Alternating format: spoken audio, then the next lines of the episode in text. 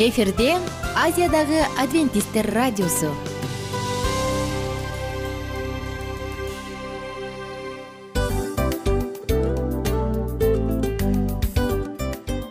Достор салют. Баардык сүйүктүү угармандарыбызга салам айтабыз. Кутман күнүңүздөр менен. Ден соолук өмүрдүн булагы демекчи саламат саамы программасында баарыңыздарды көргөнүбүзгө абдан кубанычтабыз. Анда алгач амандашып өтөлү арбаңыздар деп. Ден соолугуңуздар кандай элибизде көбүнчө ден соолук кандай дегенде эле жакшы деп жооп беребиз э? ооруп турсак дагы жакшы дейбиз. Анан мен муну айтып ойлойт элем бул абдан сонун сөз депчи анткени бул жакшы деген үмүт да э ооба баары жакшы болот. Баары сонун. Деп үмүттөнүп атып эле өзүбүздү өзүбүз дарылап коебуз. Анысы кандай сиздин дагы ден соолугуңуз жакшы беш деген үмүттөбүз чындыгында ден соолук бул өмүрдүн булагы деп бекеринен айтылган эмес деп ойлойм. Кыргыз элинде анткени эгерде ден соолук жок болсо анда адамдын жашоосунда калган баардык керектүү маңыздуу нерселер өзүнүн баалуулугун жоготуп коет. Ошондуктан ден соолук бул эң керектүү нерсе. Ооба туура айтасың кесиптешим. Чынында ден соолугуң жок бир эки үч күн ооруп калсаң эле э кандай болуп калат? Жашоодо көз каранды болуп каласың көп нерсеге жетишпей каласың көп нерсени кыла албай каласың жада калса эшикке дүкөнгө да чыга албай каласың. Туптуура анан ден соолук болсо демек биз биздин бактыбыз тоодой деп койсок болот.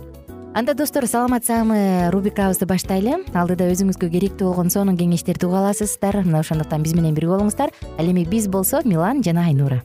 Кеттик алга. Алга саламат саама ден соолуктун жарчысы. Саламат саама ден соолуктун ачкычы. Күн сайын сиз үчүн мыкты кеңештер сонун жаңылыктар кызыктуу фактылар биздин рубрикада.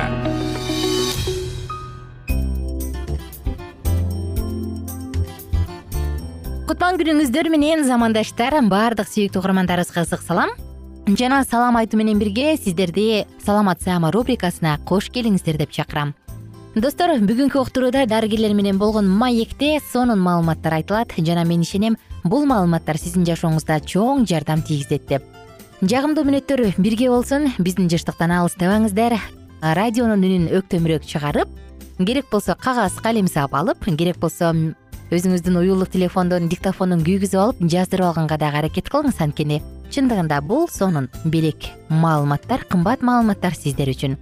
Жагымдуу мүнөттөрдү бирге өткөрөлү биздин төрүбүздө жогорку категориядагы акушер гинеколог ошондуктан мындай мүмкүнчүлүк дайыма эле боло бербейт. Эгерде сизде дал ушул жаатта суроо бар болсо анда бизге комментарий кылып алдыда жөнөтүңүз. Сөзсүз түрдө эжекебизден мыкты деңгээлдеги канааттандырарлык жооп алабыз. Эми сурообузду андан ары уланткым келип турат ушул эрозияны изилдегенге чейин ага ага кандайдыр бир анализдерди топтоп баштаганга чейин ал эмнеден улам пайда болот? Себебин айтып берсеңиз ооба. бир төрт группага бөлсөк болот да себебин биринчи гормоналдык э, бузулуш. Гормоналдык бузулуу өзүнөн өзү эле бузулуп калбайт да өзүнөн өзү бир нерсе болбойт алып ал деген төрөттөн кийин болушу мүмкүн же болбосо аборттон кийин болушу мүмкүн. Э, же э, бир кандайдыр стресстен кийин иммунитет түшүп кеткенден кийин болушу мүмкүн да. Гормон деген бул биздин денебиздеги суюктук бизди башкарып турган. Экинчи себеби чоң себеби бул инфекция. Көбүнчөктүү мен ошого токтолгум келет да. Инфекция дегенде ушунун кенен айтып берсеңиз. аял кишинин биз эми азыр диагноз койгон бир жыйырма бештен ашык түрү бар. Ал инфекция асмандан түшүп келбейт сөзсүз эле жыныстык жактан жугат. Мына эмеде за рубежом россияда азыр он алты он төрт жаштан өйдө баардыгына папиллома вируска каршы э, прививка жасап калды да. Бизге азыр андай э, сурап келгендер бар но биз азыр мындай толук Э, кыла элекпиз аны э, ал жерде баягы эрте турмушка чыгып алуу баягы он үч он төрт жаштан баштап жыныстык катташтуу болгондо дагы денеси даяр эмес да. Тиги инфекциянын түр түрү баягы инфекция киргенден кийин баягы воспалительный процессти пайда кылат дагы. Э, шейканын өзүнүн бир клеткасы быжыр кабыгы деп коелу да. Мындай кыргызча түшүндүргөндө ошол бузула баштайт. Бузула баштаганда анан э, жаралар пайда боло баштайт. Ал жара аркылуу денеге микроб кирип кетиши мүмкүн. Жатынга кириши мүмкүн трубаларга кириши мүмкүн жумурткага кириши мүмкүн. Ошон үчүн э, микробдун таралышы кетет да. Ал инфекция каяктан келет? Дагы эле баягы жыныстык партнердон келет. Жыныстык биздин баягы менталитетибиз ошондой да. Аял келип көрүнөт анан кийин күйөөсүнө барып түшүндүрөт ушундай чогуу дарыланышыбыз керек экен десе жок эмнеге мен барышым керек? Сен да болуп атсың менде эч нерсе жок. Эч кандай белги жок деп туруп күйөөсү келбей коет. Анан байкуш аял бир врачтан экинчи врачка экинчиден үчүнчү врачка барып оң келди лечение алып баштайт же болбосо подружкасынан сурайт. Ай досум мен минткем анан тиги тампон салгам анан тиги фирманыкын салгам деп ошентип баягы самолечение менен заниматься этип отурушуп убакытты өткөрүп жиберишет дагы баягы жара тереңдеп кеткенден кийин анын айыгуусу да кыйын тереңдеп кеткенден кийин жаман ооруга айланып кетүүсү да э, мүмкүн бат эле болуп калат. Анан келгенде кээде мындай э, дагы бир э, чоң эмеси белгиси баягы айтып кеткендей жыныстык катташта же мындай жөн жүргөндө эле кан чыга баштайт. Жаман выделение кошулуп кан чыга баштайт. Ошол уже баягы өтүшүп баратат деген белгилердин бири да. Алдыда ушул жөнүндө дагы токтолобуз. Буюрса белгилерине ой себептерин айтып берсеңиз эмне алып келет дагы? Жогоруда биз эрте жыныстык катнашка турууну айтып бердиңиз э төрөт инфекциялар деп айттыңыз экинчи үчүнчү себебин мен травма деп ойлойм да. Травма качан болот? Баягы төрөп атканда. Төрөп атканда деле эгерде дене ушунчалык даярдалган эгерде денеси таза болсо воспалениясы болбосо врачка убагында барып көрүнүп турса анда жатын өзү ачылып кадимки эле кайра өз калыбына келет эгерде опять же жанагы эле инфекция болсо ачылуу процессте баягы бала төрөлөрдө. Ошондо айрылып айрылып кетет дагы баягы эле эрозия ошол жерден травмадан пайда болот. Абортто инструменттердин жардамы менен врач гарантия бере албайт да мен тийбейм тиягынан үтпөйм деп баягы инструмент менен кылынган үчүн андан да болот. Это дагы бир себеби травматизация. Травматизация и плюс инфекция. Баягы именно травмадан болуптур же именно гормондон болуптур же инфекциядан болуптур деп айтыш кыйын баардыгы чогуу жасайт бул эмени эрозиянын болушу. Кимдир бирөөлөр бир эжелердин айтканын уккам көп төрөгөн аялдардагы эрозия пайда болот депчи. бул канчалык деңгээлде туура маалымат. себеби туура эле себеби дегенде канчалык көп төрөсө ошончолук травматизация бар да. Эми мен көп төрөгөн үчүн эрозия болуп калдым деп айтыш это туура эмес. Себеби дегенде көп төрөгөндө дагы деле көзөмөлдө болсо убагында врачка көрүнсө убагында баарын жасап турса эч кандай Э, кыйналбайт аял киши. Биздин апаларыбыз он беш он сегизден төрөп эч кандай эрозиясы жок. Жапжашнака болуп жетимиш алтымыш жашында гинекологко көрүнгөндө таптаза кылып кыздайсыз деп айтчубуз да эмне үчүн ал убакта болгон эмес. Азыр бизде кичине баягы жүрүш туруштар өзгөргөн. Ойлонбой туруп партнерлор жалгыз болуш керек. А бизде деген эсептеп бер канча кызга бардың эле деп жаңы эле үйлөнгөн жигиттен сурасаң айгүл нургүл деп баарын эсептеп беришет он беш деп туруп көр деп отурушат да. А ойлобойт ар бир э, баягы позволять кеткен аялдан бирден инфекция денеде калып мен жигиттерге айтам ошол инфекциянын баардыгын жүз процент аялыңа бердиң. Аялың жүз процент өзүнүкүн кошуп балаңа берди. Даже келе жаткан генофонд жөнүндө ойлонушуңар керек. Эрозия это ерунда баягы бизде мындай э, түшүндүрүү жолдору жөнөкөй тил менен аябай жеткире түшүндүрүш керек да жаштарга. Достор жогоруда айтылгандай эле эң сонун маалыматтар биздин ден соолугубузду коргоо үчүн бүгүнкү күндө бар канчалык маалымдар болсоң ошончолук куралданган болот эмессиңби мына ошондуктан бүгүнкү айтылган маалыматтар дагы жашооңузга чоң таасирин берип жардамын берип сизди ар кандай кырсыктан ден соолукту сакташ үчүн жаман нерселерден сактасын оорулардан дарттардан сактасын. Адамдын биринчи байлыгы ден соолук адамга экинчи байлык ак жоолук керек. Бирок ак жоолук ден соолуксуз кызык мына ошондуктан сиздерге кааларыбыз албетте. Бекем ден соолук. Өзүңүздүн колуңуздагы байлыкты сактаңыз барктаңыз. Жана албетте бул үчүн болгон күрөшүңүздү жумшаңыз. Адам баягы жашоосунда колдон келишинче акча таап алып туруп анан кийин улгайып калган кезде баардык тапканын кайра өзүнүн ден соолугуна жумшагандан көрө мейли аз тапса дагы бирок оорубай жашоонун кубанычын татып жашаганга эмне жетсин? Ошондуктан ар бириңиздерге кааларым бекем ден соолук коштошобуз достор сиздер менен. Кийинки уктуруулардан кайрадан амандашканча бар болуңуздар сак саламатта туруңуздар. Күнүңүздөр көңүлдүү маанайда улансын. Кененирээк маалыматтар үчүн үч w чекит саламат чекит клуб сайтына келип таанышыңыздар. Жана андан тышкары социалдык тармактарда youtube facebook жана instagram баракчаларына катталыңыз саламат саама ден соолуктун жарчысы. Саламат саама ден соолуктун ачкычы. Күн сайын сиз үчүн мыкты кеңештер сонун жаңылыктар кызыктуу фактылар биздин рубрикада. Салют замандаштар баарыңыздарга ысык салам дил маек программабызга кош келиңиздер. Дил маек рубрикасы дегенде эле бул эмне болгон дил маек ким менен маектешебиз деп сурайт болуш керек угармандарыбыз бул рубриканы кыскача тааныштыра кете турган болсок ар тарап кесип ээлеринен болгон сонун интервью кеңештер бар жылдыздар менен болгон маек бар аталарыбыздын агаларыбыздын чоң аталарыбыздан сонун кеңештер бар. Ошондой эле эже сиңдилердин кеңештери бар айтор. Баардык кызыктардын баары алдыда. Негизи эле адам баласы бир кимдир бирөөнө ишенип сырын ачкысы келет эмеспи э мындай баарлашууга жакын келебиз го. Албетте. Негизи бир жерге отуруп алып кенен шашпай баягы жүрөктөн жүрөккө ачып сырларыбызды ар кандай көйгөйлөрүбүз менен бөлүшүп баягы чын жүрөктөн маек курганды кимибиз сүйбөйбүз э? Ооба десең ал нерсеге суусап да келебиз да. Ооба кээ бирде адамга чындыгында баягы э, ысык маек жылуу маек жетишпейт да. Ошондуктан биз ушул рубриканы ойлоп тапканыбызда эң биринчи эле достор сиздер менен чын жүрөктөн бир маңыздуу темаларды козгоп кеткени э, кааладык. Ошондуктан ушундай сонун бир рубриканы тартуулап жатабыз. Анын үстүнө радио дагы сонун дос да. Анткени э, мындай учурда досуңа айтсаң досуң досуна айтат досу досуна айтат да анан бүт өлкө билип калышы мүмкүн го а радио болсо сени сатпаган сенин айыбыңды ачпаган. Сенин сырыңды эч кимге айтпаган сонун дос ошондуктан биздин алдыдагы айта турган кеңештерибизди биздин досторубуздун кеңештерин угуп анан ал жака пикириңизди дагы калтырып кайрадан биз менен байланышсаңыздар болот. Деги эле жашооңузга эгерде кичине болсо дагы өзгөрүү алып моралдык жактан нравовалык жактан сонун бир кеңештерди алсаңыз демек биз максатыбызга жеттик. Ооба. Чыңгыз атабыз улуу жазуучу э, чыңгыз айтматов айткандай адам болуу бул күнүмдүк процесс экен. Күн сайын адам бойдон калуу бул адамзатка эң эле дейт э? э эң кыйын дейт. Чындыгында бунун э, негизинде адамдын эң баягы сапаттуулугу адамдын э, адамгерчилиги жана көптөгөн керектүү нерселер мына ошол темалар дагы бизде э, ушул дил маекте биз аларды да козгойбуз. Э, ден соолук жөнүндө да сүйлөшөбүз. Сөзсүз түрдө. Анан милан мырза негизи айтып коюшат го? Биз көбүнчө эмнени ойлонсок ошол нерсеге карата иш кылабыз го? Ооба. Анан анысы кандай? Балким бул радио баракчада кимдир бирөөнүн оюн текшергенге жардам берет кимдир бирөөнүн жүрөгүн текшергенге жардам берет. Балким кимдир бирөөгө жашоонун маңызын тапканга жардам берер. Айтор кызыктын баары алдыда бул жөн гана кыскача жарнама анда угармандарыбыздын баардыгын кийинки рубрикабызга чакырабыз. Ал эми кызматта маңдайымда отурган кесиптешим милан жана мен айнура. Анда эмесе биз даярдаган терең терең ойлор менен таанышууга кеттик. Алыс алыс баралык. Анда эмесе достор биз менен бирге болуңуздар. Алдыда эң кызыктуу маалыматтардын баардыгы бир нече мүнөттөр бою жалгыз гана сизге арналат. Мына ошондуктан жакшы маанай менен угууну каалайбыз. Үн алышканча. Жөнөдүк.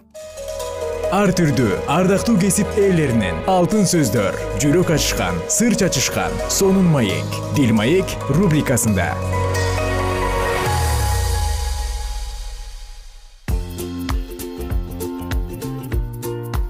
кутмандуу күнүңүз менен урматтуу угарман кайрадан эле биз сиздер менен дил маек уктуруусунда кездешип жатканыбызга кубанычтабыз. Кызматыңызда мен улан жана ошондой эле менин кесиптешим айнура. Салют достор кандайсыздар угармандар?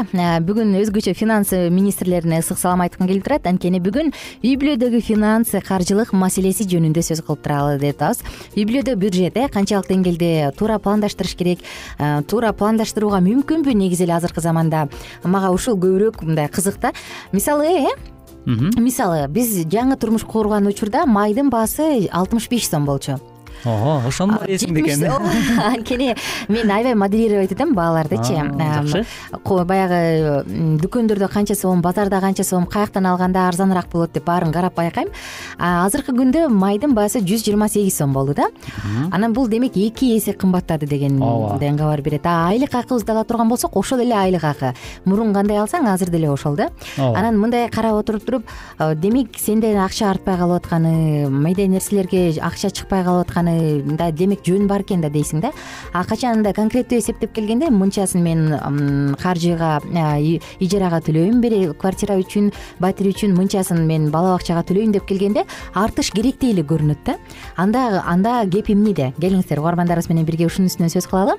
Негизи эле үй бүлөлүк бюджетти кантип туура талкуулап кантип туура кармаш керек?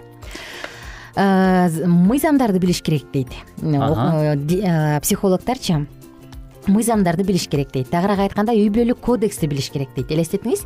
Үй бүлөдө үй бүлө баягы никеге тургандан кийин силер эмнени алдыңар силердин эмнеңер чогуу булардын баардыгын билиш керек. Анан эң башкысы никелик договор келишим болуш керек дейт да. Бул баягы америкалык тасманын бир феноменин эстеп кеттим. Бул дагы албетте бизге туура нерселерди жасаганга жардам берет. Экинчи кезекте концепцияны так аныктап алгыла дейт. Тагыраак айтканда эркек бул таап келүүчү э үй бүлөнү толугу менен каржылоочу адам. Ал эми колуктусу үй бүлөнүн кутун кармайт анан кечинде аны үйдөн тосуп алат дейт. Мына ушундай. А эгерде келинчеги бизнес леди болуп үй эркеги үйдө отурсачы анда кандай болот? Деген суроо э мына бул жерден пайда болот. Эгерде бирөө фрилансер болуп башкасы болсо мамлекеттик кызматчы болсочу. Эгерде эркек менен аял өзүнүн конкреттүү концепцияларын конкреттүү милдеттерин аткара албасачы анда кандай болот бул ушундай суроо бар. Анан дагы бир нерсени сунушташат экен. Үй бүлөнүн көпчүлүгүндө дейт. Бул эркекти бул аныкы бул меники деген акчалар дейт көп көйгөйлөрдү жаратат дейт. Ооба. Анан мындай учурда экөө бир чоң нерсени сатып алып же чоң конкреттүү максат коюп умтула албай калышы мүмкүн дейт элестет ооба туптуура айтылат. Негизи эле баягы үй бүлөдө э, бир жуп болуп бир казандан тамак ичип бир үй бүлөдө түтүн булатып аткан соң э, эч убакта мындай бөлүнүү болбош керек да. Анткени чындап эле сенин акчаң анан менин акчам деген ортодо ушундай ыйкы тыйкы мамиле боло турган болсо сөзсүз түрдө бул абдан жаман көрүнүш да анткени чындап эле э, кээ бир үй бүлөлөрдө кездешип калат ушундай. Мисалы эч кандай менин акча менен ишим жок. Аялым өзүнүкүн өзү билет мындайча айтканда өтүгүн төргүлөйт мен өзүмдүкүн өзүм билем. Деген да үй бүлөлөр бар да. Бирок бул көз караш өтө мындай жакшы эмес деп айта алам да. Мен анткени чынында эле бул туура эмес. Анткени бир үйдө жашап атып бири бириңдин мындай кандай аба менен дем алып атканыңды билбесең бул өтө чоң мындай көйгөй болуш керек туура айтасың. Качан мен ойлойм да ажырашуунун бирден бир ажырашууга алып келген нерсе биринчи кезекте үй бүлөдө экөөнүн кызыкчылыгы бөлүнөт экен. Бир психологдун айтканын уктум эле да анан экөөнүн кызыкчылыктары бөлүнгөндөн кийин экөөнүн финансысы бөлүнөт дейт. Анан экөөнүн жата турган төшөгү бөлүнөт дейт. Андан кийин алар жөн гана баягы фиктивный брак же болбосо ажырашууга келет дейт да. Элестет э бул демек каржы маселеси качан каржы бөлүнгөндө демек ошол ажырашуунун экинчи этабында келип калган учур болот экен да. Бул коркунучтуу экен. Ооба биз угармандарыбыздын дагы алтындай болгон пикирин күтөбүз э?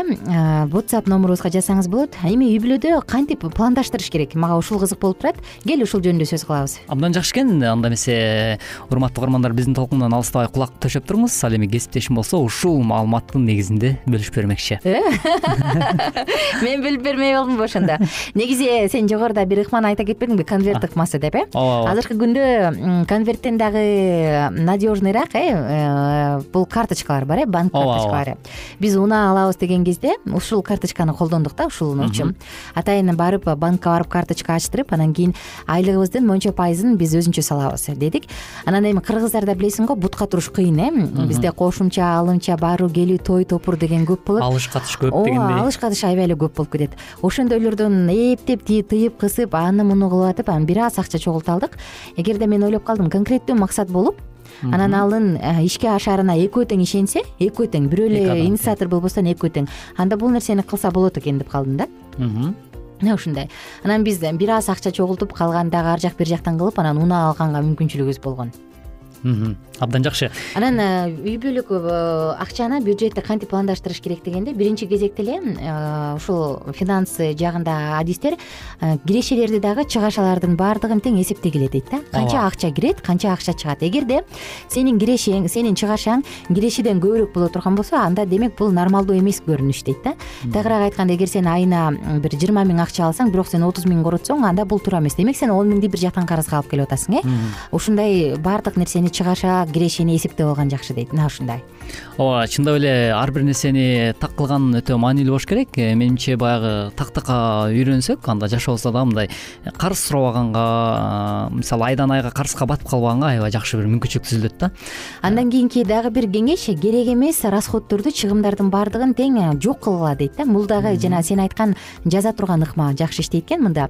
Э, акчабыз каяка кетип атат кайсы бир мүмкүн тамеки үчүн э күнүнө жетимиш сомдон кетип аткан жаткандыр. Мүмкүн жөндөн жөн эле саунага барып айына үч жолу барып аткандырсың деген сыяктуу нерселер булардын баардыгы тең баардыгын эсептеп чыгып туруп керек эместерин жок кылып чыгарып салгыла дейт да. Бул акчаны үнөмдөгөнгө жардам берет дейт. Ооба. Биздин карамагыбызда аз эле убакыт калыптыр кесиптеш. Анда эмесе урматтуу угармандар биз сиздер менен коштошууга аргасызбыз. Эмки берүүдөн кайрадан эле ушул маегибиз теманын алкагында маекти улантабыз достор үй бүлөңүздө финансы маселесин кантип каржылайсыз кантип пландаштырасыз биз менен бөлүшүп кетиңиз сиздер менен коштошобуз күнүңүздөр көңүлдүү маанайда улансын. Бар болуңуздар жана бай болуңуздар. Ар түрдүү ардактуу кесип ээлеринен алтын сөздөр жүрөк ачышкан сыр чачышкан сонун маек дил маек рубрикасында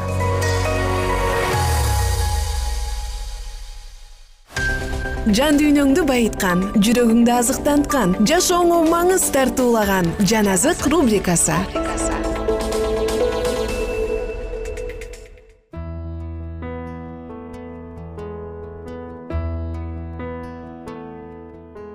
Салам достор. Биздин сүйүктүү угармандарыбыздын баардыгына ысык салам айтып кайрадан сиздер менен бирге жан азык радио баракчасындабыз.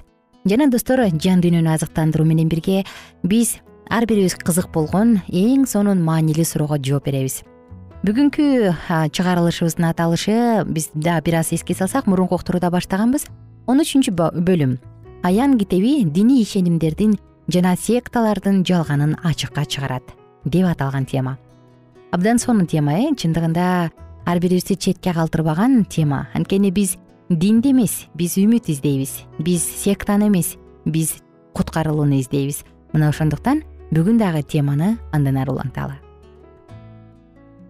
Эгер достор бул биз ыйык жазуунун барактарынан белгилүүлүктү аныктыкты таптык деп бекем ишенебиз жана аны негизги принцибибиз катары колдонобуз.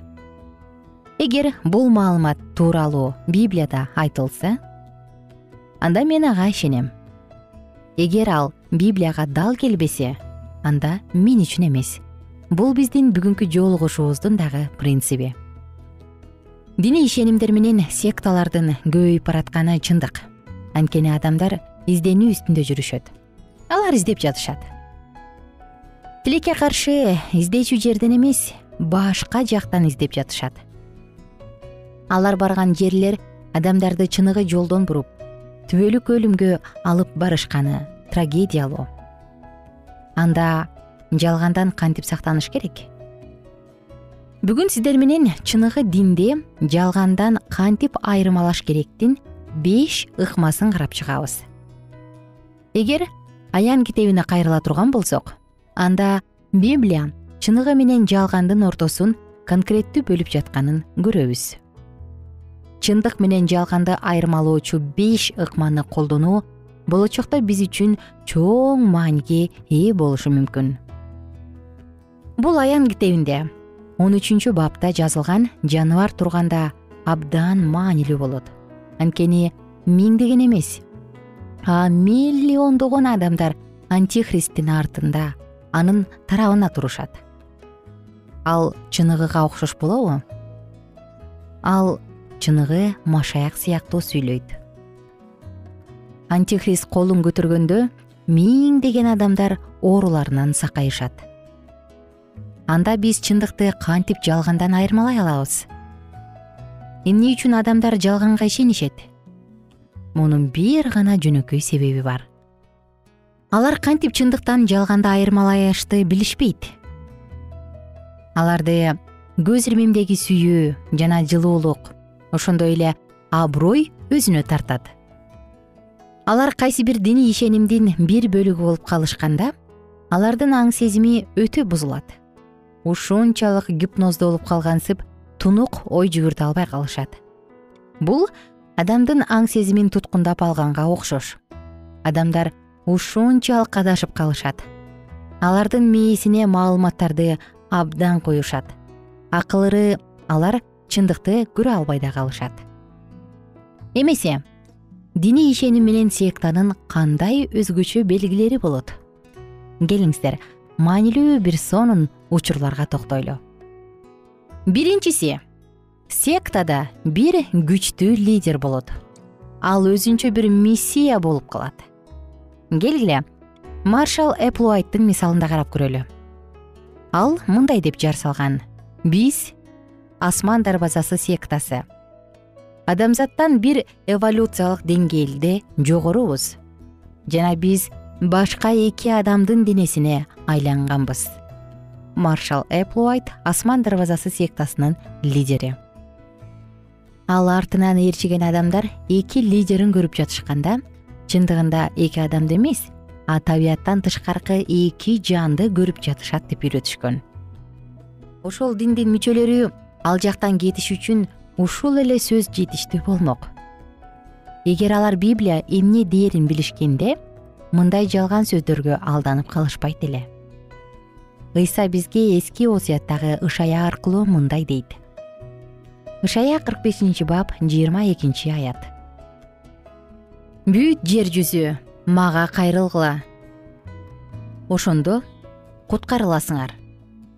Анткени мен кудаймын менден башка кудай жок диний ишенимдин лидери өзүн машаяктын ордуна коет мессиянын машаяктын эч кандай орун басарлары жок.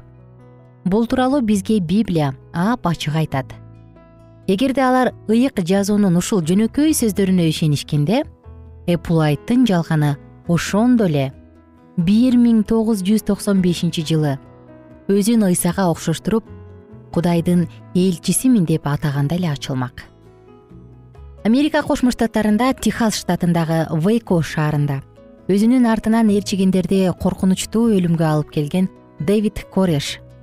Өзүн козумун деп атаган. Бул титул ыйса машаякка карата гана колдонулат. Түштүк америкада гаяна джунглисинде тогуз жүз адамды өлүмгө дуушар кылган джим джонс кудай анын ичинде деп жар салган.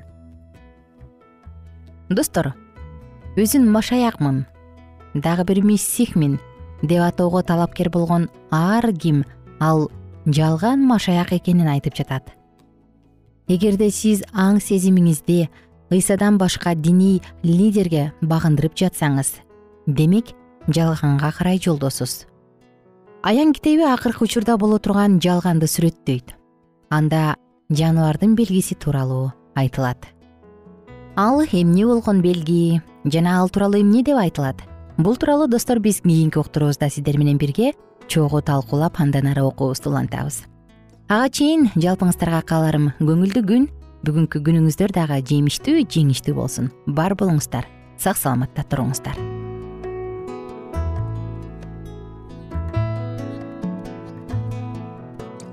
Эгер сиздерде суроолор болсо же көбүрөөк маалымат билем десеңиз анда биздин whatsapp номерибизге жазыңыз. Плюс бир үч жүз бир жети жүз алтымыш алтымыш жетимиш. Кайрадан плюс бир үч жүз бир жети жүз алтымыш алтымыш жетимиш.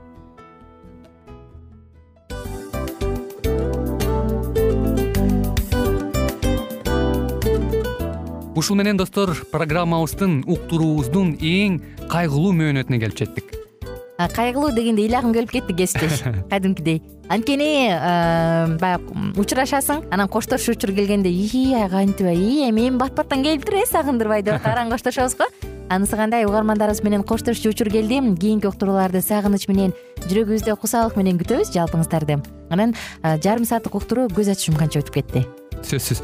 Бирок бизде жакшы кабар бар. Кийинки уктурууларыбызда сөзсүз дагы кезигишебиз анткени биз көптөгөн сюрприздерди кызыктуу маалыматтарды жана керектүү керектүү нерселердин көбүнчөсүн даярдадык. Анда угармандарыбыздын баардыгына ийгиликтүү күн каалайбыз. Эгерде бүгүнкү күнүңүз өзгөчө э, өтүшүн кааласаңыз анда позитивдүү ой жүгүртүп жылмайып жакындарыңызга жакшы маанай тартуулап жүрө бериңиз. Анткени сөзсүз түрдө мунун арты кайтат э? Сөзсүз. Баягы ден соолугуң оңолот ал бул деп көп нерсени санап келебиз. Эң негизгиси бул сиздин жашооңузду жаркын кыла түшөт экен жараткан кудай ар бирөөңүздөргө батасын берсин жашооңуз ийгиликтүү болсун сак саламатта калыңыздар деп мен милан жана кесиптешим айнура. Баардыгыңыздар менен кийинки уктурууда үн алышканча. Баарыңыздарга ийгилик каалайбыз